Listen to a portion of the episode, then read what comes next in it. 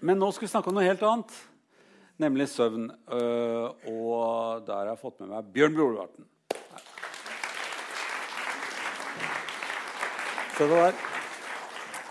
Sier hei til dere som er i det andre rommet, for dere vet at det er noen også. Og så sier jeg til dere at dette blir det radioprogrammet.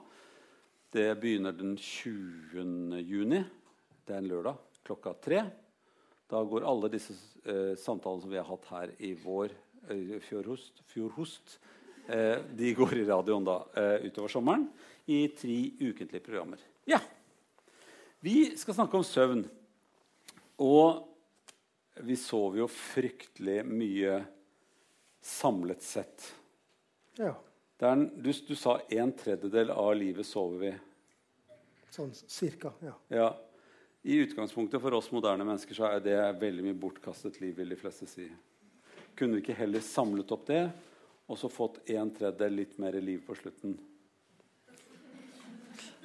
Ja, på slutten. Da ville jeg kanskje ha begynt med Ja, eller vært våken hele tiden og ikke sovet, og så ja. heller Går det an, Er det noen annen måte å, å bli kvitt natten på enn å sove? Kan, er det en annen tilstand vi kan være moing, moing, sitte Nei, det er jo noen som prøver på det da, og, og, tenker at man skal kunne klare seg uten søvn. Men man har jo ikke klart det. Men det har vært en del forsøk på å sove i små bolker. F.eks. en halvtime flere ganger i løpet av dagen. Og så totalt sett da ha færre timer. Eh, men det er ikke anbefalt, og, og det viser seg vel at det er en risiko forbundet med det. Ja. Særlig ut ifra å kunne utløse psykiske lidelser. Da. Så ja. man anbefaler å ha en god nattesøvn hver natt. Det er så hyggelig at legen sier det det anbefales å ha en god nattesøvn hver natt. Og det er det alle vi andre gjør. Nemlig sover en gang hver natt.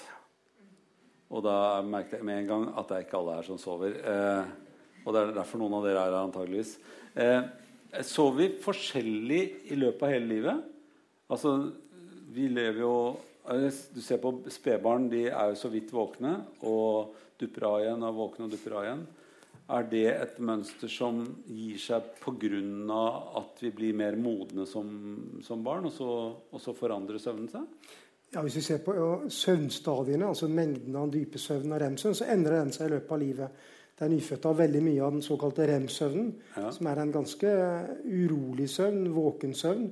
Eh, hvor... Nå sier du med en gang rem-søvn, og da må jeg stoppe deg. For mm. eh, det er jo mange her som ikke vet hva rem-søvn er. Ja. Remsen er Det betyr Rapid, rapid Eye Movement. Ja. Vi har gått på samme skole. Ja. Eh, eh, og Så det betyr at da er øyebevegelsene hurtige, ja. eh, og eh, mange forbinder remsøvn med drømmer. Nå kan man drømme i andre søvnstadier også, men, men, de fleste av de litt sånn eh, spesielle drømmene, rare drømmene skjer under denne remsøvnfasen. Mm. Og og remsøvn er et viktig stadium for normal fungering. Og, og, og nyfødte har kanskje 50-60% av tiden de sover, er i denne rem-søvnfasen. Oh, ja. Og Så blir det mindre av det i løpet av relativt kort tid, og så holder rem-søvn seg på 20-25 av tiden man sover, stort sett resten av livet. Men bare for å stoppe deg der, for eh, det er jo mange som sier at 'jeg drømmer aldri'. jeg. Mm. Men de gjør det likevel? Ja, så Nå er det viktig å skille drømmer og rem-søvn. Alle har nok eh, rem-søvn, og de fleste kan drømme under rem-søvn. Men det er ikke gitt at man drømmer i alle rem-søvnfaser. Det, det, kan vi egentlig ikke svare på. Men vi tror nok at alle som ikke husker en drøm, likevel kan ha drømmer. For det vanlige er å drømme, huske drømmen den man hadde idet man våknet opp. Okay. Slik at det er sannsynlig at du har hatt flere drømmer i løpet av natten som du ikke husker mm. når du står opp. Mm. Eh, men det du husker, er den drømmen du hadde akkurat idet du våknet. Ja. Ok. Kan jeg styre den, tror du? Eh, nei. Jeg tror ikke du er så, kan det så lett. Du kan kanskje styre Jeg prøver veldig og får det ikke til, altså. nei. Nei, man kan nok eh, si at man tar opp ting man har opplevd i drømmen. Så på et vis så vil noen si at man styrer den da delvis. Ja. Eh, men man kan ikke bestemme seg for at nå vil man drømme den den drømmen. Men tror du at det er at drømmen, eh, hele drømmefasen med drømmene i, i seg selv er en ting som gjør at vi fungerer psykisk greit når vi er voksne? Når vi er våkne? Eh, nei, egentlig ikke. Oh, nei. Eh, Så det er bare tulleting som skjer i drømme? Altså, du kan si Det er mange som mener at drømmene skjer fordi hjernen er våken under rem-søvn. At det er litt tilfeldige bilder som danner seg. Og når man gir medikamenter som mer eller mindre fjerner rem-søvnen, eh, og da sannsynligvis fjerner alle disse drømmene, så er det mange personer som vil si at de fungerer mye bedre da enn de gjorde når de hadde rem-søvn. Så det tyder jo ikke på at det er så avgjørende med denne aktiviteten som kanskje noen tror. Er, er, er, det fordi du er lege eller ikke psykolog at du sier disse tingene? Eller ikke filosof? eller et du kan si Hvis vi går tilbake i tid, så var nok psykologer eh, og leger mer opptatt av drømmer enn de kanskje vil være i dag. I dag er det nok mer Iallfall i, i søvnmedisinens miljø, hvor det er både psykologer og leger, så tenker vi nok mer at drømmer er fascinerende og spennende, men ikke nødvendigvis noe som bringer mye helse. Så men, jeg vil ikke være bekymret hvis, hvis, du ikke husker en drøm. Si nei, sånn. det er jo ikke, men man er jo mest bekymret over det man drømmer. Ja, Det kan jeg forstå. Det, da, det jo, da, vil man jo si til når man får fortalt drømmer 'Du er syk', ja. sier du til folk da. Ja. Det er, Nei, sånn... det, det, er veldig viktig for oss som driver med denne eh, medisineringen og søvnmedisin, å, si at, at, de drømmene man drømmer, ikke nødvendigvis er uttrykk for det man har lyst til, ønsker. Sånn som kanskje Freud gjorde i sin tid. Det er liksom et litt forlatt stadium. Man drømmer ikke, altså De drømmene man har, er ikke nødvendigvis eh, skjulte ønsker eller skjulte behov. For da ville jo eh, jeg være enig i deg at du ville sikkert være syk. sant? Du vet ikke hva jeg drømmer.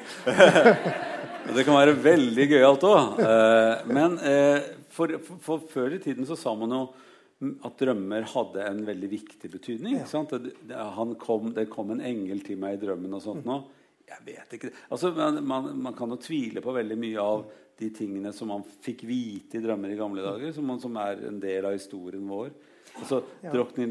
var det sånn drottning Langnir Thottis var stått i graskari og uh, sornus serkser eller noe sånt. Vi drev og lærte noen sånne latterlige ting i, i gammelnorsk mm. som var om drottning Langnir sin drøm at uh, hele treet skulle være hele landet, og derfor måtte Harald Hårfagre holde på med sitt. Altså det er at, at det er en del av vår historie som er skapt fordi at folk trodde på drømmer. Ja, altså, drømmen var, eh, Hvis du tenker tilbake til Freud, så la han jo veldig vekt på drømmene. og Han mente jo at de som f.eks. drømte at de ville, hadde seksuelle fantasier med nabokoner og Ja, der er vi inne på noen ting, skjønner du. Det er veldig mange som driver og drømmer sånne gøyale ting. Ja, og da fikk jo de eh, gjerne problemer i forbindelse med det hvis det var da egentlig det de hadde ønsker om. Mens det er altså på en måte forlatt. Det er ingenting som eh, peker på at det man nødvendigvis drømmer, er ting man nødvendigvis vil. Nei. Eh, og jeg tenker at det bør være beroligende for de fleste. ja, noe av det hadde vært veldig gøy. Eh, mens andre ting er jo helt uforkastelig. Jeg har eh, skåret opp folk i drømme og sånt. Og, og, og jeg husker en, Da kom en fra Anatomisk institutt til meg og sa nei, det er ikke lov å, å dissekere på kjøkkenet. Nei. Eh, for eksempel. Sånne ting kan man drømme når man har, eh, studerer medisin, f.eks. Ja da. Nei, og, jeg tror alle har opplevd drømmer som man eh, på en måte tenker etterpå at det ville være ja, forferdelig å, ja. og, gjort det. Og derfor tenker jeg det er litt, Noen velger jo da bare tro på de drømmene som da er positive. Mm. Men skal man velge å tro på drømmer, så må man jo nesten tro på både de positive og negative. Mm. Da er det kanskje bedre å være skeptisk til alle. Så kan man tenke at Egentlig så driver hjernen med en del ting på dagtid som da husker eller ikke husker. Og så er det som en slags kortstokk, og så, man, og så bare blander man alle kortene. Og så får man ut et eller annet merkelig som man driver med om natten, som er en sånn hjernebearbeidelse av ting. Ja, altså jeg tenker at I våken tilstand så drifter jeg jo av og til tanken også av og til inn i det hinsidige. altså Dagdrømmer, eller at vi tenker på ting som vi vil tenke at, eh, at det vil vi ikke vedkjenne oss. Og Sånn er vel hjernen også om natten. når I det rem-stadiet hvor man da er jeg ganske våken mm. hjernemessig, så danner det seg bilder av litt sånn tilfeldige eh, Rett og slett tilfeldige ting som dukker opp. Men likevel så ser man jo at hvis man har opplevd noe traumatisk eller noe veldig spennende, så har det en tendens til å gli inn i drømmen. slik at mm. det er klart at Noe av det som man opplever på dagtid, har en tendens til å havne opp i drømmen igjen. Og det er heller ikke så rart. Nei. fordi at ting som opptar en, vil jo da gjerne oppta en også. Men at vi kanskje eh, sensurerer ting litt mer på dagtid når vi Nettopp, ja. tenker og resonnerer, mens om natten hvor bare hjernen holder på uten noe kontroll? Det, det som er poenget med rem-søvn og drømmene der, at de har jo ikke noe brems. Nei. Mens i våken tilstand så kan vi jo på en måte si at nå er du på viddene, nå må vi ta oss inn. Men sånne drømmer som gjentar seg ikke sant? Ja, jeg har noen drømmer som jeg husker som jeg drømmer om igjen og om igjen med jevne mellomrom. Eh, og en av disse drømmene som har kommet etter at faren min døde. Han døde veldig brått. Så husker jeg at treffer faren min igjen i drømme og sånt nå. Veldig forstyrrende. Og også sånn det å, å gå altfor sakte i en del av livet, altså særlig sånn pubertetsting, så gikk jeg så utrolig sakte at jeg gikk i noen sånn sirupaktige ting. Og fløy og så ting ovenifra. og sånt nå. Altså Det er veldig mange som har denne type drømmer. Mm. Er det noe som kanskje er en del av det å bli moden hjernemessig? Ja, jeg tror folk, eh, folk, har veldig mange forskjellige typer drømmer. Og jeg tenker at det er eh, naturlig at man drømmer ting som ikke gir så mye mening, og som på en måte er, er rart i, sånn i ettertid når man mm. skal prøve å forklare det. Det har vært skrevet noen bøker om, om dette temaet. og og, og, en som samlet inn drømmer og tegninger fra drømmer. Mm. Det er klart det er spennende å se hva man kan klare å lage i stand i en drøm som man kanskje ikke hadde klart i våken tilstand. Så vi behøver ikke være så redde for drømmer fordi at de kan komme sånn, og de kan komme slik? Ja. Ok. Eh, eh, vi kan jo snakke om drømmer kjempelenge, men det, det, krever et glass vin og litt tulleprat. Eh, og da kan vi holde på lenge med det som ren underholdning. Men eh, vi er tilbake igjen til rem-fasen, altså den, den, delen av søvnen som man kanskje drømmer i, eller der øynene beveger seg raskt. Eh, eh, la oss ta skritt for skritt. Hva skjer når vi sovner? Først så blir vi trøtte, det kjenner alle igjen. Mm. Men så, så, skjer det noen ting, og så sovner man. Hva er det som skjer i hjernen da? Nei, det er et godt spørsmål. Jeg tror ikke det er så lett å svare på, på en måte, alt hva som skjer. Men når man registrerer med hjernebølger, altså plasserer på elektroder og ser overgangen, så ser man at bølgene, hjernebølgene, altså aktiviteten i hjernecellen, cellene endrer seg. Slik at vi kan si at ok, her, her sover man, og her var man våken. Mm. Og Da kan man også skille mellom da rem-søvn og det som kalles da dyp søvn, som er den viktigste søvnen. Mm. Og De ser veldig forskjellige ut, de stadiene, når man da ser en søvnregistrering.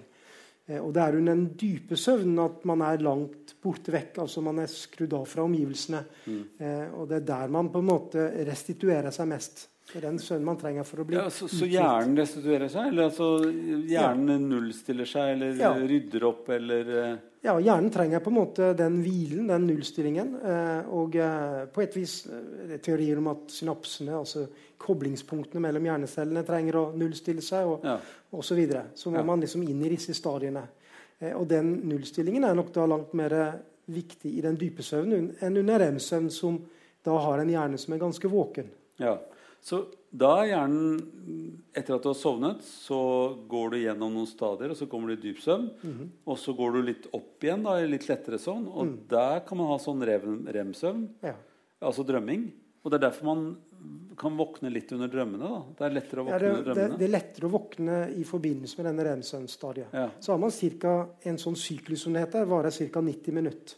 Mm. Så ca. hvert 90 minutter i løpet av natten så kommer man inn i en ny sånn rem-søvnfase. Så 1 12 time så er man ferdig med bolk 1, og så mm. akt 2 er det 1 12 time til. Ja. Så hvis man våkner etter 3 eller 4 12 time, så har man hatt tre sånne bolker? Altså, etter tre timer har man to. Ja, men fire, og fire og en halv time, sa jeg til slutt. Ja. Den, men den dype søvnen den ja. har man vanligvis i løpet av de første to, oh, ja. kanskje tre bolkene. Så så man tre-fire timer, mm. så har man gjort unna denne viktigste dype søvnen. Mm Resten av natten består av lettere søvnstadier av denne rem-søvnen. Ja. Så man må kanskje ikke sove mer enn 4,5 Hvis man klarer å sove 4,5 timer, så er det nok for kroppen, eller? Nei, jeg vil ikke si det, men det ville vært mye verre hvis man hadde mistet de første timene enn de siste. Slik at det å få de første tre-fire timene har man i fall på en måte gjort unna det viktigste. Ja. Og noen mennesker er jo kortsovere og klarer seg med fire-fem timer. Men det høres ut som Eh, her er det sånn brist i logikken. De første tre timene du sover, det, det er liksom det må, å drikke bare nederst i glasset. Liksom ja, ja, det, det går ikke an, hoppe over den øverste. Det, det går ikke an. Du må jo alltid ha de første søvntimene. Ja, okay. Men de fleste trenger litt mer enn bare denne, de første tre-fire timene med dyp søvn. For man trenger litt mer av den lette søvnen også for å bli helt uthvilt. Mm. Men hadde man på en måte stått opp etter fire timer, så ville jo de fleste følt det var altfor lite. Ja. Men uh, det hadde vært enda verre hvis man hadde gjentatt oppvåkning alt etter en halvtime-time. Så du vekket deg selv på en måte, eller våknet? Ja, ja, okay. Da vil man føle seg mye dårligere hvis man blir forstyrret i løpet av de første to-tre timene, enn hvis man blir forstyrret de siste to-tre timene. Okay. Da skjønte jeg poenget. Uh, er det um, eh, eh, Hvis vi går tilbake igjen til rem-søvn For at, eh, da er jo det rare fenomenet at det er jo stort sett eh, Hjernen holder på med ting. Men kroppen er da helt slapp. Helt lammet, ja. Lam. Og det er et veldig ubehagelige ord. ja. Kroppen er lam. Ja, Eller paralysert, eller Ja, Det blir ikke noe bedre at du kaller det noe annet. Eh, Nei, da er musklene helt på en måte lammet. Ja. Hvis vi bruker et folkelig ord på det. ja, folkelig ord bruker ikke det. Bruker ikke du folkelige ting? Du er jo litt lam hvis du er lam, du òg. Ja. Ja. Så du, du ligger der og er lam, og så våkner du. ja. Og det er jo forferdelig ubehagelig. Og, Men, men la oss først bakke opp litt. grann. Det er jo fantastisk det at man ligger der lam. Ellers Ja. hadde du levd ut drømmen din. Da hadde du på en måte syklet hvis du syklet, eller løpt hvis du løp, og slo kona di hvis du drømte at du skulle slå kona di. Da hadde du hatt kraft til å denge henne. da. Ja. Så det at du ligger der lammet og slår kona di, gjør jo at hun merker ingenting. Det er jo veldig greit. Ja, det er jo lompet. Ah, eh, så vanskelig du gjorde det nå. Eh, men, så, så det at man er lam i kroppen, eh, det er ganske smart, for det holder hjernen på å lage mye tull som kan føre til rare ting. Ja. Ok. Eh, men eh, man kan røre på resten av kroppen når man sover veldig, veldig dypt. Ja, da kan man, man er jo slapp da òg, men da kan man bevege seg mer. Og det er da man går i søvne, f.eks. Å, ja. Det er i den dype søvnen. Ja. Så man har altså muskelkraft nok til å kunne klare det på et vis. Det ville man ikke klart i, i rem-søvn under normale forhold. Nei. Så nå beskriver vi også noen rare ting som kan skje i, i drømme. eh, og, og det gjør det for så vidt forskjellige deler av livet, egentlig. Hvis du tar barnesøvn fram til skoletiden omtrent, så er det veldig mange som har opplevd mareritt. Eller altså at de våkner opp og begynner å gå og er veldig urolige, og sånt, og at de har Ja. barn som gjør det. Eh, Ja. hva, hva er det for noen ting? Og, og grunnen til det er at eh, Særlig å gå i søvne og det som kalles nattskrekk, at ungen våkner opp og er helt skrekkslagen, og, og mor og far får ikke noe særlig kontakt med barnet. Det vil ikke bli kalt et mareritt, det kalles nattskrekk. Det skjer ifra den dype søvnen. Å ja. Og disse små barna eh, fram til puberteten har veldig mye av den dype søvnen. og Derfor ser vi veldig mye av disse såkalte non-rem-parasomniene, heter det på fint. Altså, det er eh, ting som skjer ifra den dype søvnen. Eh, og Derfor går barna opp og vandrer rundt og er egentlig ikke klar over at de gjør det. Og neste dag husker de heller ingenting, Nei. fordi dette skjer ifra den dype søvnen. Okay. Og så blir det mindre og mindre av den dype søvnen jo eldre man blir. Og derfor får man mindre og mindre av såkalt søvngjengeri jo eldre man blir. Men det er jo noen som har det i familien. Jeg har eh, noen i familien min som så i besteforeldregenerasjonen min som gikk mye søvne. Mm. Det var jo som man måtte lukke vinduer, fikk vi beskjed om. Og så, Ja. hvis han sover hos deg. Ja. Eh, eh, for for det, at, det, er en, det er jo en ting som noen har det med. Dette, det er jo en jente i Nordland eller Troms som gikk jo hjemmefra og over en bro og langt Flere kilometer, Ja, voldsomt. Eh, og da var hun egentlig dyp søvn og gikk og gikk og gikk. Mm. Og det var jo iskaldt, hvis det er samme historien som jeg har hørt om. Ja. Så nei, det er ufattelig hva man kan gjøre da i søvne. Eh, og det har jo vært mange rare historier på, på hendelser. Og når det gjelder barn, så, så går det jo stort sett bra. Men det har vært ulykker. Man kan dette ned en trapp, man kan rase gjennom et vindu. Ja. Så går man mye i søvne, så bør man jo ikke da ligge i køyseng eller ha soverom i andre etasje med åpent vindu, eh, f.eks. Ok, Men det fortar seg, som det heter? At man, det blir mindre og mindre av etter hvert som Ja. man blir voksen? Men det er så, som du nevnte, at det er også noen som har dette i våken tilstand. Og da er det ofte eh, at man ser Våken ifra- tilstand? Jeg går veldig mye i våken tilstand. I voksen tilstand. I voksen tilstand? Ja, i voksen okay. tilstand. Ja. I våken og voksen tilstand. Nei, Ja. Når man er voksen. Ja. Eh, og det er sjeldent, men det skjer. Og det skjer ofte da at man har det i familier. ja. At det er en kjent ting at han er sånn som går i søvne. Han er sånn som tisser i skapet Ja, istedenfor ja. å gå på do, Ja, for eksempel. for eksempel. Ja. Og det kan skje mer alvorlige ting. Det er det som det har vært en del fokus på da. Ja, for det er jo noen som da har, eh, gjør helt usedvanlige både skumle ting og rare ting i søvne, som, eh, som går litt sånn i familier. Ja, altså Mm. det, ja, Problemet har vel vært mer der hvor det skjer voldelige Ja. ting eller seksuelle hendelser. Det er det som på en måte gjør at det blir måte, ofte vi som kommer inn i bildet med tanke på skjedde det i søvne, eller, eller er det på en måte bare en måte å slippe unna straff på. Ja. Eh, for ellers er jo det artig historie når folk tisser i et skap. Det er jo ikke liksom noe katastrofe, det. Men hvis de slår ned en person eller skader eh, partner, eller noe sånt, så er det jo dramatisk. Mm. Hva gjør du da? Hva slags test gjør dere for å bevise om det er riktig eller ikke? Altså, det er jo litt vanskelig, det der. For det, det, ene går jo på å spørre de ut og, høre litt om de har dette i familien. Har de gjort ting før? Eh, og så hva som kan ha utløst dette. her. Det er klart at det er visse, visse ting som gjør at sjansene øker. Mm. Eh, og så kan man gjøre en søvnregistrering, men sjansen for å snappe opp det den ene natten man gjør en sånn registrering, er jo ikke stor. Nei. Slik at Mye av dette dreier seg om egentlig å sannsynliggjøre om dette kan ha skjedd. Eller tenke at det er mindre sannsynlig. Mm. Så vi kan aldri egentlig helt utelukke eller helt bekrefte at det har skjedd i søvne. Det, mm. det er vanskelig. Mm. Kanskje derfor det blir så mye avissaker om sånne ting. Ja. Mm. Ok, Men de, dette at voksne folk gjør ting i søvne, det pleier, pleier veldig ofte å ha med at de mm, har det i familien. Det er ikke at de nødvendigvis er uh, sånn til vanlig. Nei, altså, eh, Det er jo ikke noe, på en måte, noe de har noe skyld i. Hvis det gjør, gjøres i søvne, så har man jo ikke på en måte noe skyld. Mm. Men det som på en måte er viktig å passe på, er å ikke da bli på underskudd av søvn. Mm. Altså Hvis man legger seg mye seinere enn man pleier, så vil mengden av denne dype søvnen øke den natten. Og da øker jo risikoen. Så det gjelder jo å passe på å få nok søvn, unngå å bli overtrøtt. Da vil risikoen for å gjøre sånne ting reduseres. Mm. Eh, og det er jo viktig å passe på hvis man har en sånn tendens. da. Mm. Okay. Eh, verre er det for de som da eh, Ja, skal vi ta en ting til? For eh, ungdom har, er jo eh, får jo veldig ofte sånn um, pes for at de legger seg så mye seinere og er så trøtte på skolen. og sånt. Nå, er det også bare tull? Eh, nei, det er ikke tull. at okay. de legger seg senere. Nei, Hører dere alle foreldre? Det er ikke nei, bare tull. Det... Er det noe som har med puberteten å gjøre? Ja, altså Det som skjer når man kommer inn i puberteten, er at døgnrytmen har en tendens til å gli. Altså Man har vanskeligere for å på en måte finne roen og bli søvnig om kvelden. Eh, men når man først har sovnet, så kan man gjerne sove langt utover neste dag. Og Der er det en endring som skjer biologisk sett i forbindelse med puberteten. I tillegg så er det jo ikke da veldig lurt å drikke mye koffein om kvelden og sitte med data og mobil til langt på natt. Det vil jo på en måte bare forsterke det. Men for min del er det viktig å, å, å få fram at det er også en biologisk årsak her som, som ungdommene da sliter med, som gjør at det er lett for de å forskyve døgnrytmen.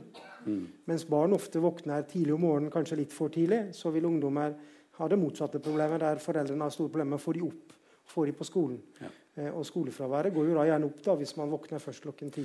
Men nå sa du så greit koffein og sånt. Bar, altså disse ungdommene på 13-14 år de drikker jo ikke så mye kaffe, men de kan drikke cola og sånne ting? Cola, Red Bull osv. Så, videre. så okay. det er jo en del eh, energidrikker. Som, hjelper, hjelper det noe om de ikke ikke ser så mye på skjerm og sånt nå sent på kvelden?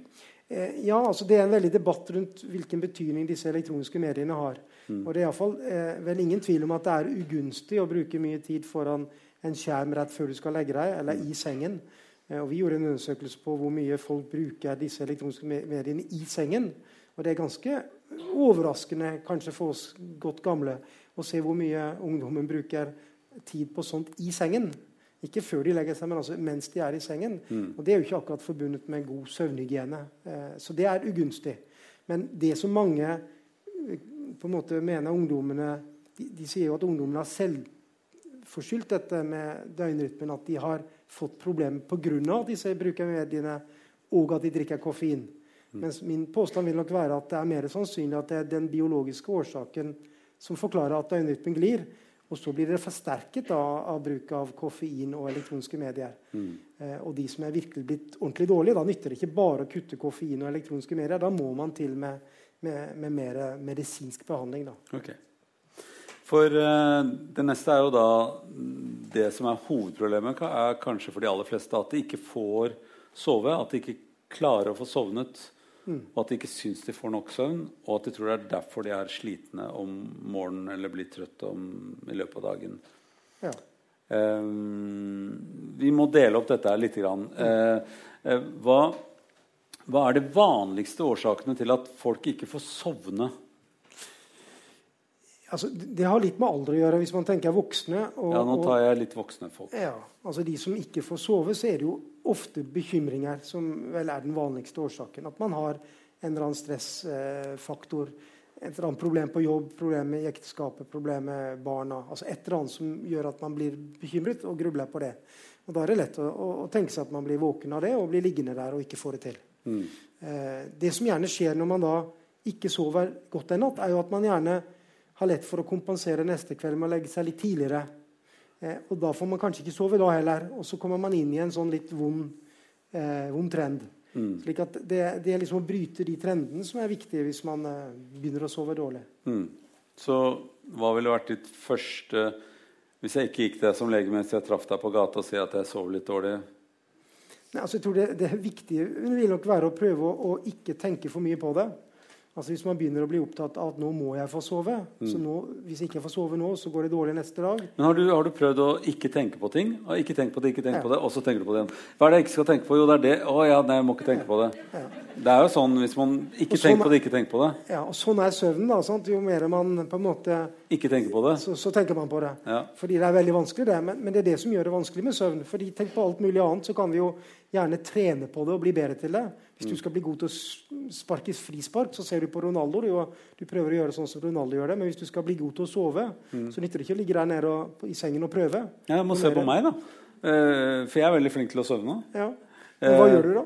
Det, jeg har kjempegodt triks. Ja. Og det er at når jeg begynner å gruble, for det kan også skje meg Gruble på ting, eh, hva jeg skal gjøre i morgen, uh, eller hvorfor jeg ikke fikk til det, eller altså, ting som jeg grubler om ting jeg er redd for, eller ting som kan gå feil, og alt det der, så sier jeg til meg selv Nei, nå skal vi gjøre en ting. Hør her, sier jeg til meg selv. Jeg, snakker, jeg har to navn, så jeg kan jo snakke med Viggo. ikke sant?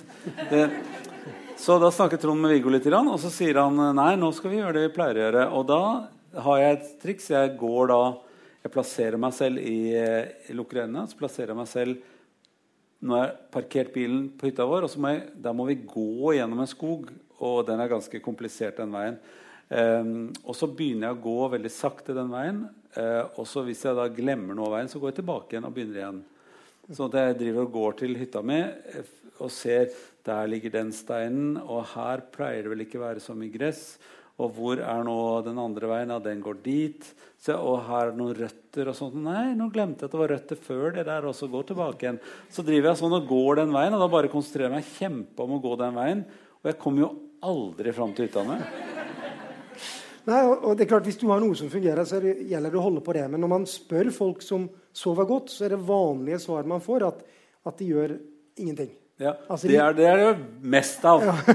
er ingenting. Nei, og da, De legger seg på en måte bare ned, og så vet ikke hva mer de gjør. Nei. Mens de som sover dårlig, hvis du spør de, så, så, forteller de veldig ofte om veldig mange forskjellige metoder de bruker. Ja. Eh, og det er jo interessant. Hva, hva, slags hovedmetode har folk? Altså, altså Telesauer er jo liksom den standard man hører om, men folk har veldig mange forskjellige metoder. Men det som kjennetegner de fleste av de metodene, er jo at ikke de fungerer. Men telle sauer hvis du ikke vet hva en sau er engang, som folk i dag Det var mange som ikke vet hva en sau er. Eh, de vet ikke hvordan den ser ut bakfra, f.eks. Bare forfra. Og så vet de ikke hva slags sau de skal bestemme seg for. Skal være svart eller hvit. Altså, det er veldig mange som ikke, ikke vet hvordan man teller sauer. Teller mobiltelefoner, kanskje. Ja.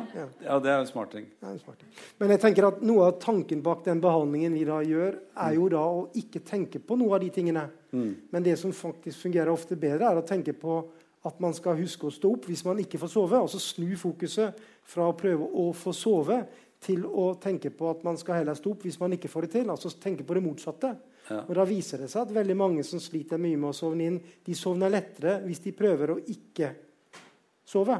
Ja. For da tar de ikke på en måte fokuset på søvnen. Okay. Da slapper man bedre av, og så sovner man.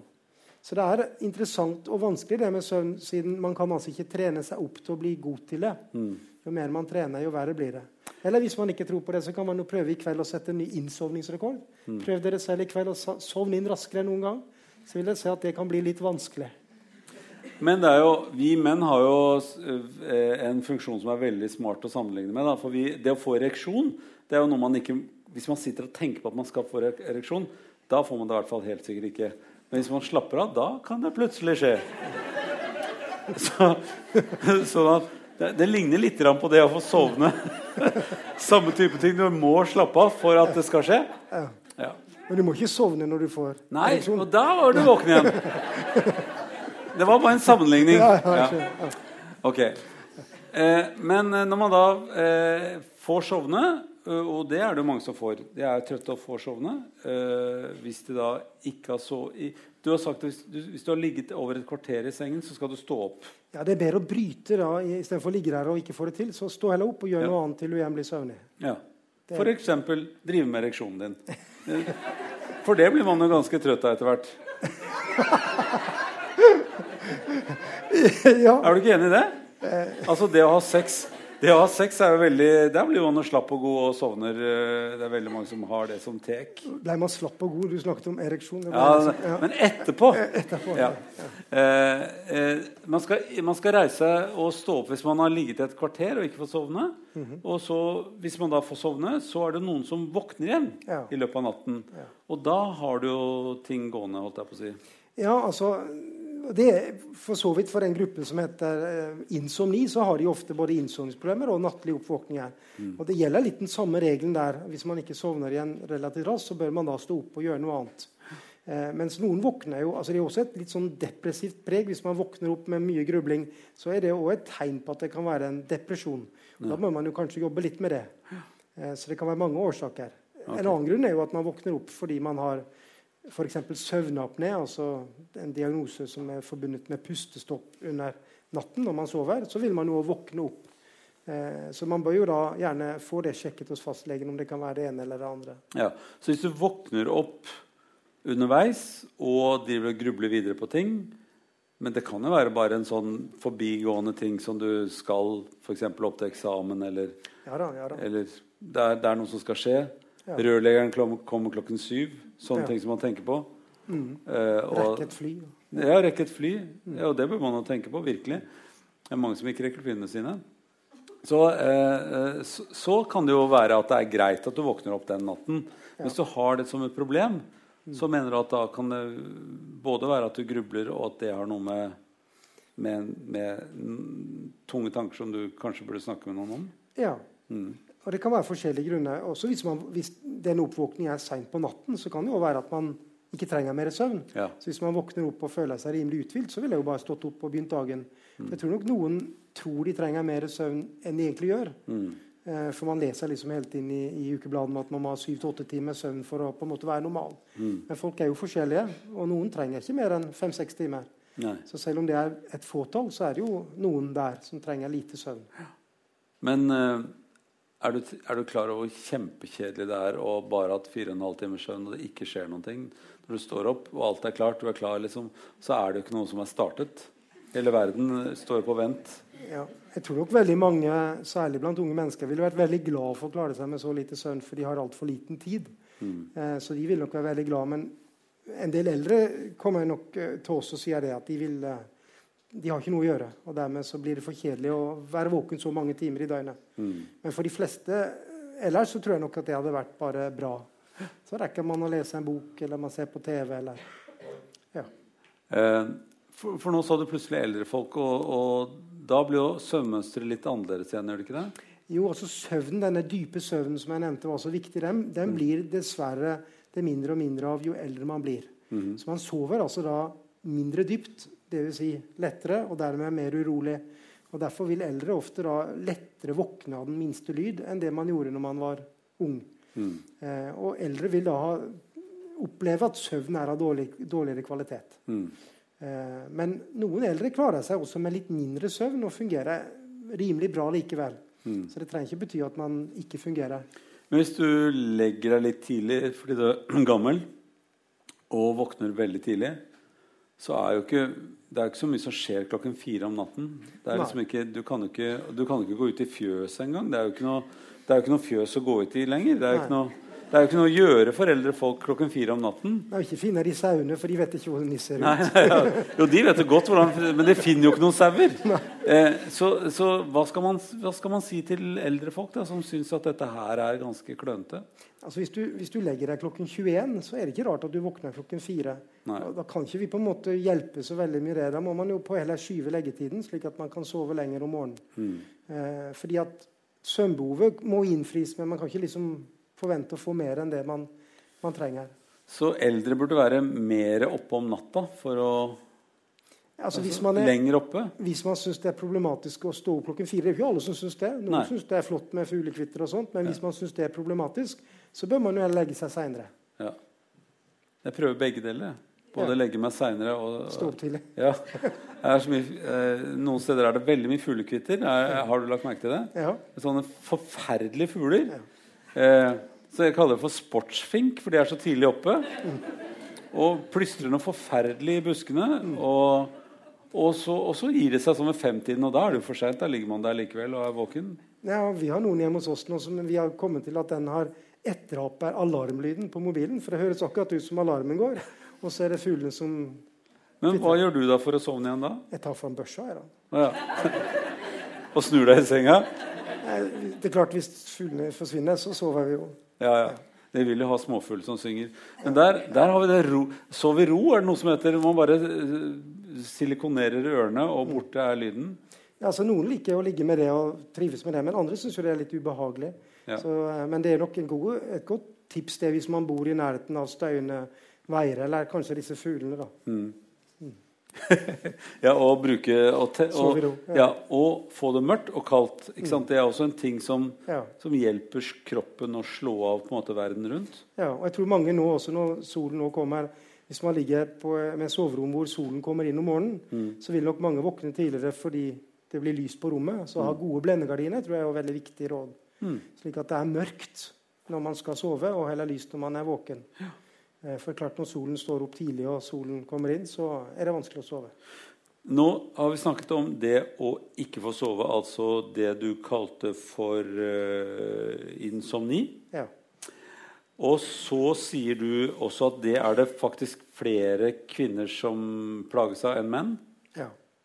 Er det, er det veldig mange flere kvinner? Er det Ja, altså Alle studier viser at det er mye hyppigere, særlig fra 40 års oppover. Før det så er det ikke noe særlig for forskjell i, i, i fordeling mellom kjønnene. Men insomni er en, er en lidelse som ses hyppigst hos kvinner. mm, okay. Mens søvnapné ses mest hos menn. Ja, og søvnapene. Det høres ut som søvnaper. Du hører, det er veldig Ja, bare, ja. det er mange som ikke vet hva det ordet er for noen ting. Men apné betyr at man ikke får puste. At man ikke puster. Ok, Og det er noen som har sånne pustestopp i løpet av natten. Ja. Og det kan være helt greit å ha små pustestopp. Eh, hvis man bare ikke har det for lenge. Altså Folk ligger jo lenge og har en liten pause, og så puster de litt igjen. Nei, det er klart, Har du mange sånne pustestopp gjennom natten, så vil jo det belaste hele kroppen. Ja. Eh, naturlig nok, for man ligger jo der og hikster etter, etter luft. Eh, og det klassiske symptomet er jo snorking, som jeg tror de aller fleste har et forhold til. Eh, og eh, snorking kombinert med pustestopp er på en måte ikke noe bra. Særlig hvis disse pustestoppene kommer veldig hyppig. da. Ja. Og det er det flere menn som har enn Ja. kvinner. Det er jo flere menn som snorker generelt, er det ikke det? jo. Men det er en endring etter overgangsalder. Så begynner kvinnene å ta igjen mennene både på snorking og på pustestopp. Der har vi det. Der har vi det. Ok. Så damer snorker også. Det er Ja. ikke sånn med vitsetegninger at det er bare menn som snorker. Nei. Ok. Men, og, og, da, og da må vi si litt om det der med pustestopp. For det, det, de fleste har vel eh, ligget litt våken og plutselig hørt at en er stille, og så, så puster de. Eh, så det, alle vet hva det er for noe. Men dette kan være belastende for kroppen hvis man har mye av det eh, i løpet av en natt. Ja, fordi hvis man stanser å puste, så får man ikke oksygen ned i lungene. Og får man ikke oksygen ned i lungene, så kommer ikke oksygen heller inn til hjertemuskulatur og andre organer som trenger oksygen. Og hvis man holder pusten lenge, så kan man jo måle hvor mye oksygenet går ned i blodet. Men det vi ser på disse med søvnapné, er at de har mye lavere oksygen i blodet enn det man klarer hvis man holder pusten så lenge man klarer. Så kan man jo tenke seg hvilken belastning det er da på hjerte-kar. Slik at det er en, en, en sterk kobling mellom å ha søvnapné og det å utvikle hjerte-karsykdommer. Så Derfor er dette noe som er et ganske fokus på innenfor medisinen, å behandle disse pasientene. Uh, og da er det En del av behandlingen kan være å, å måtte bruke en sånn pustemaskin eller Ja. sånn stimuleringsting som, som også man bruker på nesten, nesten sånne nyfødte barn. Som rett og slett bare puster deg i gang igjen. Ja, Det er en maske, Maske? Som, som gir litt uh, lufttrykk inn i luftveiene, som gjør at luftveiene da ikke klapper sammen. For det er det som skjer når man sovner, er at luftveiene klapper sammen. Så kommer det ikke luft igjennom. Hvis man da blåser litt luft i, så vil jo luftveiene hele tiden holdes åpen, og, og man får luft inn i, i eh, systemet. Ja, dette er sånn snorkeproblematikk de luxe. Er altså, det er mye annet som man, man, kan nå få kjøpe på Internett som er mot snorking, og det aller fleste av de tingene virker jo ikke noe særlig. Nei, det virker vel ikke i det hele tatt, for Nei. å si det som det er. Så, så, de tingene er jo ikke noe særlig vits å bruke penger på. Nei. Ulempen med denne masken er at det er jo litt uh, det er tungvint å ligge med en maske, så det er mange som syns det er vanskelig. Og så blåser en noe inn luft i systemet, så det kan mm. være en tilvenningsperiode. Eh, og det er ikke alle som får det til. Eh. Akkurat der hørte jeg at du sa det er vanskelig å ligge med en med maske. Mm. Eh, og det ble et veldig vanskelig bilde for meg. Eh, men, men, det du mente, var at det, man må ligge med en maske over nese og munn når man har, har søvnapné. Rett og slett for at det skal være en maskin som hjelper deg å blå. Du må ha en maskin, og du må ha en maske, og du må ha en slange med deg i senga. Ja. Av og til er det bare over nesen, men ja. av og til både nese og munn. ja. Så det er et svært apparat plutselig, og det bråker? Ja, Nå er lyden blitt mye mindre. ja, men mer... jeg vil si det bråker. Jeg har hørt sånne ja. maskiner. Ja, ja. ja, nei, det er eh, vanskelig. slik at Det er mange som syns det er tungvint å ligge med. Mm. Men eh, det vi gjerne hører fra ektefellen, da, som ofte er en dame, er at de er jo da veldig glad for å slippe den snorkelyden. Ja. Slik at det kan være bra for ekteskapet, til tross for denne ja. masken. Og da blir det gøy å ligge med en med maske. Ikke sant? Ja. Fint. Eh. Man kan ta masken innimellom.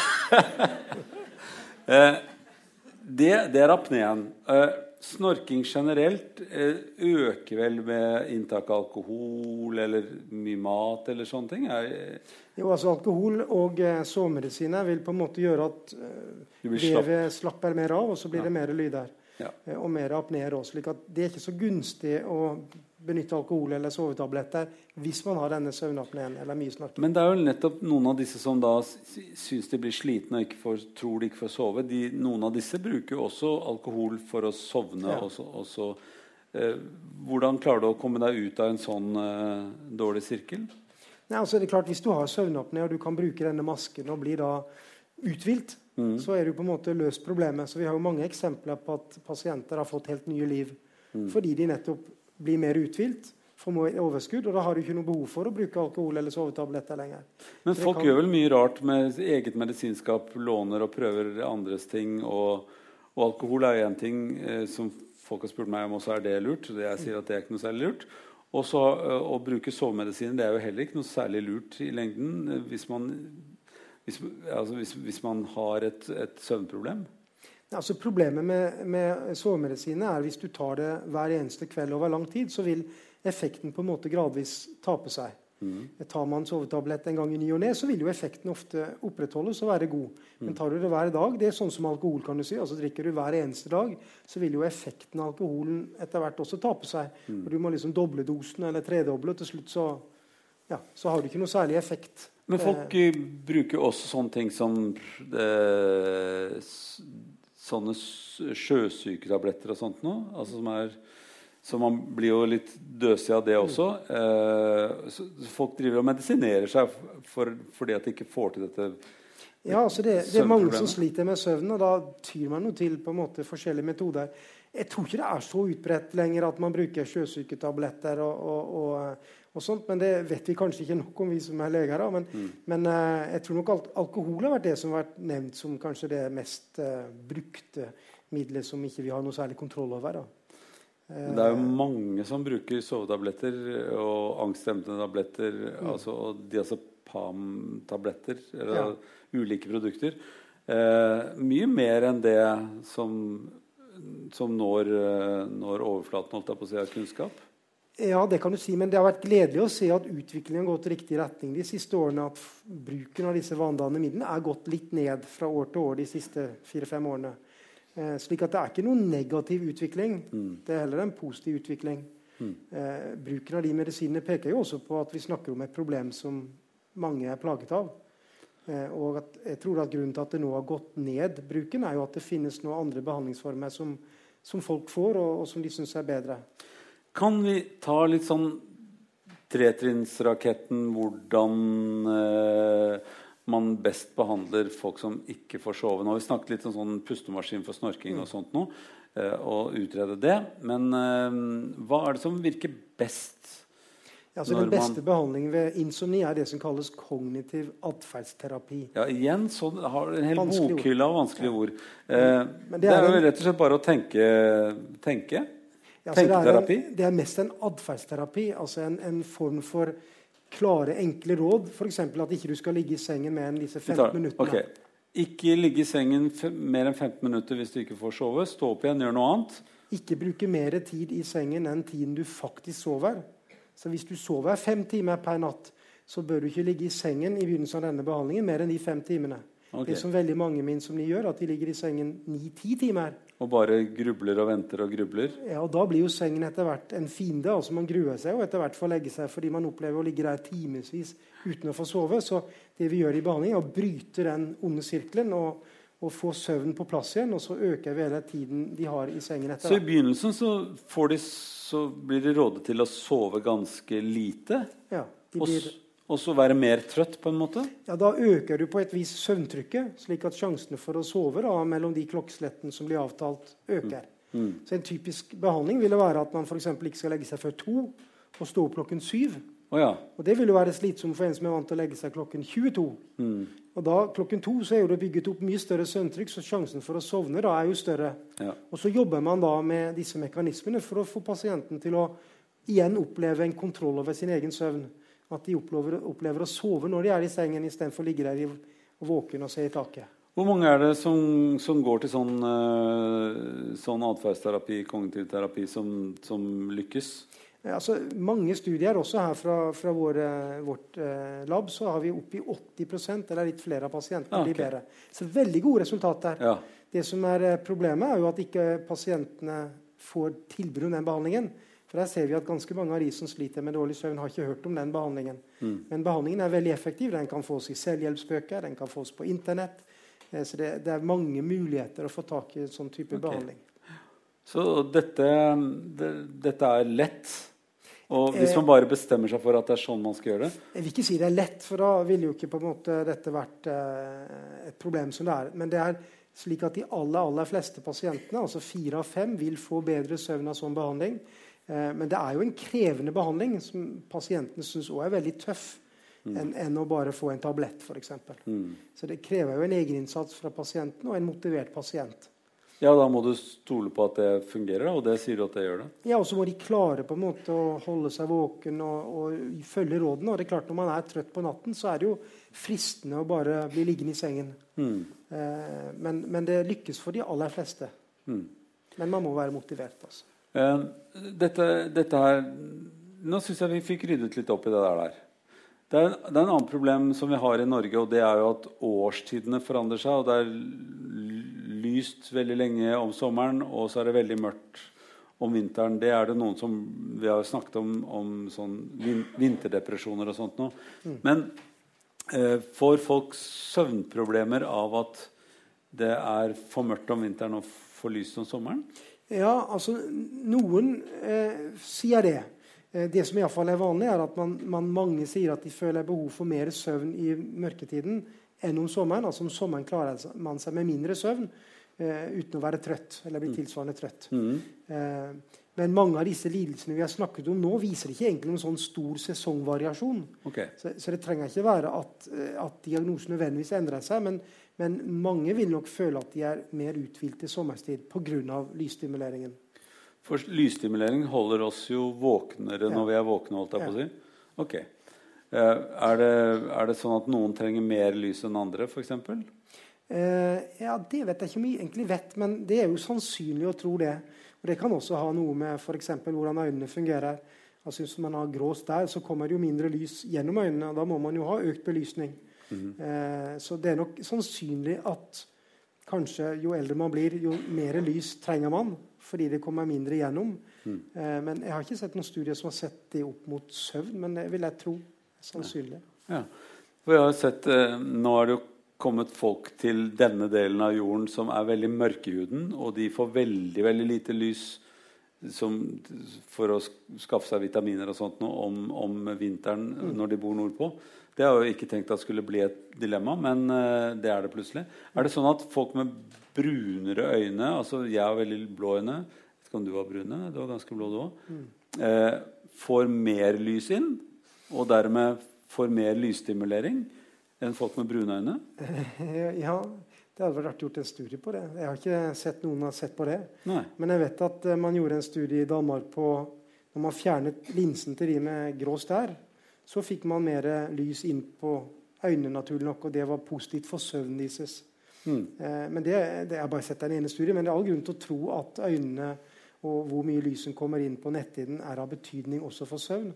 Så det er vel ikke utenkelig at eh, altså Brune øyne vil jo skjerme mer enn blå øyne. Uh, Så har du pupillen som bare så har du pupillen som ja. kompenserer, så jeg er ikke sikker at det vil ha så mye å si. Nei, det, er ikke, det er ikke noe vits å studere på, tror jeg. Dere bør ikke lage noe studieopplegg. Men, eh, men eh, hvis vi, hvis vi eh, går litt videre med sånn eh, soveteknikk For dette, det er jo mange som tenker at nå fikk jeg ikke sove noe særlig i natt, så da tar jeg meg en liten høneblund eh, på ettermiddagen. Og det virker som det er mer eldre folk som får lyst på å sove middag og, og, og høneblunder. Eh, Det fungerer jo både bra og dårlig. Altså Hvis man sover en helt annen tid på døgnet. Noen er jo veldig følsomme for at det ikke går bra. Min erfaring er at jeg ikke må sove, men jeg, kan, jeg bare, bare så vidt sovner. Da blir jeg ganske uthvilt. Ja. Eh, men hvis jeg sover liksom en sånn tid på ettermiddagen, da kan jeg være kjempegroggy og veldig rar i humør og alt mulig rart. Er, er det sånn at det kan være dumt å sove andre tider på døgnet enn i sengen om natten? ja, nå var det vel egentlig mange ting der som jeg kunne si litt om. fordi at det er klart at Hvis du har søvnproblemer om kvelden, altså problemer med å sovne inn, så vil det være ugunstig å ta en høneblund. For det vil jo ta vekk det søvntrykket du gjerne trengte å ha til kvelden. Men det som gjelder veldig mange mennesker, er jo at de er på underskudd av søvn. Altså De har lagt seg litt for seint eller stått opp litt for tidlig. At de er på underskudd, og Da vil jo en høneblund være veldig gunstig for å komme seg gjennom resten av kvelden uten at det vil negativt påvirke nattesøvnen. Så hvis man ikke har tillatt seg nok timer søvn om natten, så vil jeg tenke høneblund er positivt. Eh, Men hvis man altså har søvnproblemer, så bør man jo være veldig forsiktig med det. Eh, Det andre du snakket om, var jo lengden på høneblunden. Ja, høneblunden er vel, Jeg tenker meg alltid at det er en høne som akkurat sovner på vagla uten å dette ned. Ja. Og at derfor må den være veldig kort Ja. eh, for at du ikke skal dette ned. Men eh, en, å, å få sånn nattesøvn om dagen, det, det er bare når man er veldig sliten eller eh, virkelig trenger søvn, tenker jeg. Ja, Altså, hvis du sover på dagen over 20-25 minutter, så går du lett inn i dyp søvn, og da blir du groggy. Ja. Så Derfor bør du ikke på en, en ettermiddagshvile eller en høneblund eller hva du vil kalle det, mer enn 20 minutter. fordi da havner du inn i en dype søvn, og da blir du groggy av det. Og derfor er det vi anbefaler maks 20 minutter. Men mange opplever jo den eller powernappen, som det gjerne heter på engelsk. altså bare eller nøkkelsøvn. altså Du bare har akkurat den bitte lille som du har nevnte. Ja. Og Det rare er at den er så oppkvikkende. Ja. Det syns jeg er vanskelig å forklare. Ja. For du er jo ikke inne i noe særlig søvn på det bitte lille øyeblikket. Men mange opplever det som veldig oppfriskende. Ja. Det er vanskelig å forklare, men det er jo noe man alle er, har erfart. Ja. Eh, og det er jo en god ting hvis man er veldig trøtt. Eh, så å ta seg noen par sekunder kan være viktig. Ja. Ikke minst hvis man sitter og kjører bil, så er det jo livsfarlig å kjøre bil hvis man begynner å få disse her eh, små glimtene. Da bør man jo stanse bilen og ta seg en liten kortvarig blund. Hmm. Det kunne man kanskje gjøre litt forskning på, akkurat den der oppkvikkende høneblunden, syns jeg. Ja. Det var litt mer interessant enn det forrige jeg foreslo. Jeg skal notere ned det Ja. her. For det, hva er det som skjer akkurat da? Du sa også at vi vet akkurat når man våkner. Da vet man der var jeg våken. Men når man sovner, så vet man jo ikke Nei, akkurat innsovning er jo ikke på en måte der. Den er liksom en sånn, litt sånn vag periode. døsting. Men uh, oppvåkning er ofte litt mer uh, veldig tydelig. Ja. Og derfor eh, vil jeg foreslå et forskningsprosjekt om hva skjer når du sovner. Ja. Det syns jeg er veldig spennende. altså. Kan vi vente oss det? ja, har du finansiering? Nei, ja, da er vi ute og kjører igjen. Altså. Eh, jeg eh, lurer på altså, For at vi har jo veldig sånn regulerte arbeidsting her i Norge. Men i Sør-Europa så har de jo det som heter siesta. Der er det en sånn organisert lukking av verden en gang midt på dagen. Eh, er det forskjell på, på om folk har innsovningsproblemer i sånne miljøer i forhold til her nord hos oss? Ja, altså, det, var- det har ikke altså det var fokus på akkurat det med siesta, og man skulle gjøre en større undersøkelse i Europa. Men Jeg har ikke fått sett noen særlige resultater fra det. Men, men det er forskjeller i forekomst av insomni mellom land.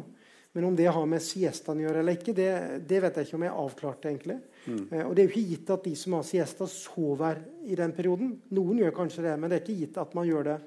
Eh, men hvis man sover da i den siesta-perioden, så vil jo det naturlig nok påvirke nattesøvnen. Men det kan jo være at man tar og deler søvnen inn i to bolker. At man har en kortere nattesøvn og en, og en siesta, som da totalt sett kanskje blir tilsvarende omtrent det vi har som vanligvis. Altså I Nord-Europa har vi jo vanligvis én stor søvnperiode. Mm. Eh, men det er litt uklart, og det har også vært noen forskningsstudier nå som peker på at det å ha høneblunder eller dagsøvn at det kan være negativt for helsen. Mm. Så Det er satt i gang et svært prosjekt som jeg tror er fra Finland, som skal se på er det å ha høneblunder farlig. Og der har vi finansiering! Ja, ja. I, I, Finland. Finland ja. Der kan du jo spørre. Der kan vi se på det. Og, og, da tenker man ikke på å se på søvn, og sånt, men man tenker å se på hjerte-kar-lidelser. Altså mm. på en måte om det er farlig å høne, ha høneblund. For det var en, en, studie som viste at det var sammenheng mellom død og rapportering av høneblunder. Så kan man jo si at Kanskje de som har hjerteproblemer, de sover mer på dagtid? jeg noe... ville bare kalt det dårlig forskning. Ja. ja. Og bare strøket den. Ja. Eh, for at, hvis du tenker på sånn som de lever i Sør-Europa, så er jo uh, også barna veldig mye lenger oppe om kvelden. ikke sant? De en, og de har ofte en sånn soveperiode uh, på ettermiddagen eller på, på, i siesta-perioden. Mm. Så det er kanskje bare at livet er litt annerledes Kanskje det er mindre bekymring, og dermed så sovner de fortere? Ja. Nå så jeg senest i går en studie mellom Italia og USA og så på ungdommer. og Da viser det at italienske ungdommer har mye bedre søvnhygiene enn det amerikanske ungdommer har. Slik at Selv om du da er nede i siesta-land, så har de altså da bedre rutiner de ungdommene der enn de hadde i USA. Mm. Så eh, ja. Jeg vet ikke hva jeg fikk ut av det. Nei. Men du snakket om at der nede i Spania eller siesta land, at de på et vis ja, sover litt tist og her, som kanskje ville kalles dårlig søvnhygiene. Det å sove på dagtid. Ja. Men likevel så har de da bedre rutiner enn de hadde i USA. Nå vet jeg ikke om USA skal sammenlignes med Norge heller, men, mm. men noen tenker kanskje at, uh, at, vi i nord er kanskje mer lik Nord-Amerika enn vi ville være mm. i Sør-Europa. Uh, nå, nå, er vi over et sånt uh, annet landskap. Både du og jeg har hatt uh, vakter på sykehuset om natten og, og, jobbet natt. Og det er veldig sånn ubehagelig å bare få forstyrret søvnrytmen sin stadig vekk. Men når man er ung, så går det stort sett greit. men det er veldig mange som har sånne jobber som er at de må sove på feil tid av døgnet. hva vil være best for dem? Hva, hva hva, hva, er best for folk som da har veldig sånn forskjøvet arbeidstid? Altså jobber f.eks. om natten og så skal vri på, vri på, på døgnrytmen når de har mulighet til å sove igjen. Er det best for dem å holde søvnen på samme tid av døgnet hele tiden? Altså bli nattdyr og sove om dagen? Og, eller er det lurt å gå tilbake til mest mulig nattsøvn når de ikke er på nattevakt? Ja, Det kommer nok veldig an på hvilken type jobb man har. Har man en jobb hvor man jobber bare én natt hver 14 dag, så er det jo best å holde på sin egen rytme og bare prøve å komme seg gjennom den ene natten. Og Hvis man jobber veldig mange netter i strekk, sånn som f.eks. I, i Nordsjøen hvor de har 14 netter i strekk, så er det jo viktig å prøve å komme fortest mulig inn i nattrytmen, slik at de kommer seg gjennom de nettene på best mulig måte. Og så er det da støyten etterpå. Eh, hvis man har så mange sykepleiere på land ta netter innimellom, så blir det litt vanskelig å vite hva som vil være best. Det vil da igjen være avhengig av om man er A- eller B-menneske. slik at det er vanskelig å gi noen sånne enkle, konkrete råd hva som vil være best i hvert enkelt tilfelle. Også litt fordi arbeidstidsordningen er jo ekstremt forskjellig. altså Folk går jo så mange rare forskjellige vakter at det er, at det er ikke godt å gi noen enkle råd. Eh, men det er jo en, noen råd man alltid gir, og det særlig hvis man da går roterende skift. altså Man varierer mellom morgen, kveld, natt, så bør man gå den veien som jeg nå sa. Altså gå fra morgen til kveldsvakter til nattevakter. Altså snu med klokken, mm -hmm. og ikke snu motsatt vei. Ikke ha natt, kveld, morgen? Ja. Okay. Og dessverre så ser vi at det er veldig mange som har. Altså I går en kveldsvakt etterfulgt av en morgenvakt. Ja. Veldig ugunstig for døgnrytmen og søvnen. Og mange sliter akkurat med den kombinasjonen en kveldsvakt etterfulgt av en morgenvakt. Og det er ikke anbefalt på noe vis å gjøre det. Så det, det er bedre å dytte holdt jeg på å si, søvnen én vei, altså med klokken? Ja, og Det har litt med at vår indre biologiske klokke er litt lengre enn 24 timers døgn. De fleste av oss er litt B-mennesker. Eh, og da har vi lettere av å forlenge døgnet. Men du kan ikke si bare indre biologisk klokke uten å forklare noe om det er, hva altså, det er for noe? Alle har en, en, eh, en døgnrytme, mm. og den styres av en klokke inni hodet vårt som, som tikker og går. Og, og vi snakker om A- og B-mennesker, og A-menneskene har en klokke som går raskere enn B-menneskene. Mm. Og B-menneskene har da lett for å være oppe om kvelden, gjerne utover natten, og gjerne sove utover neste dag. Og B-menneskene har da en biologisk klokke som tikker og går langsommere enn det A-menneskene har. Mm. Og Er man B-menneske, så har man da lett for å være oppe lenger og vil lettere takle nattarbeid enn et A-menneske. Nå er vi veldig nære filosofien igjen. Vil det være sånn at A-mennesker som har en raskere klokke, lever kortere? Så at de som har en saktere klokke, altså B-mennesker, de har mer liv eh, igjen på en måte, og kan leve lenger?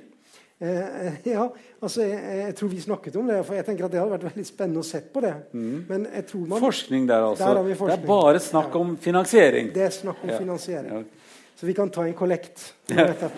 Men eh, nei, jeg tror resultatene viser vel egentlig at, eh, at det å være B-menneske er ikke så veldig gunstig for helsen. Uh, Iallfall ikke de ekstreme B-menneskene.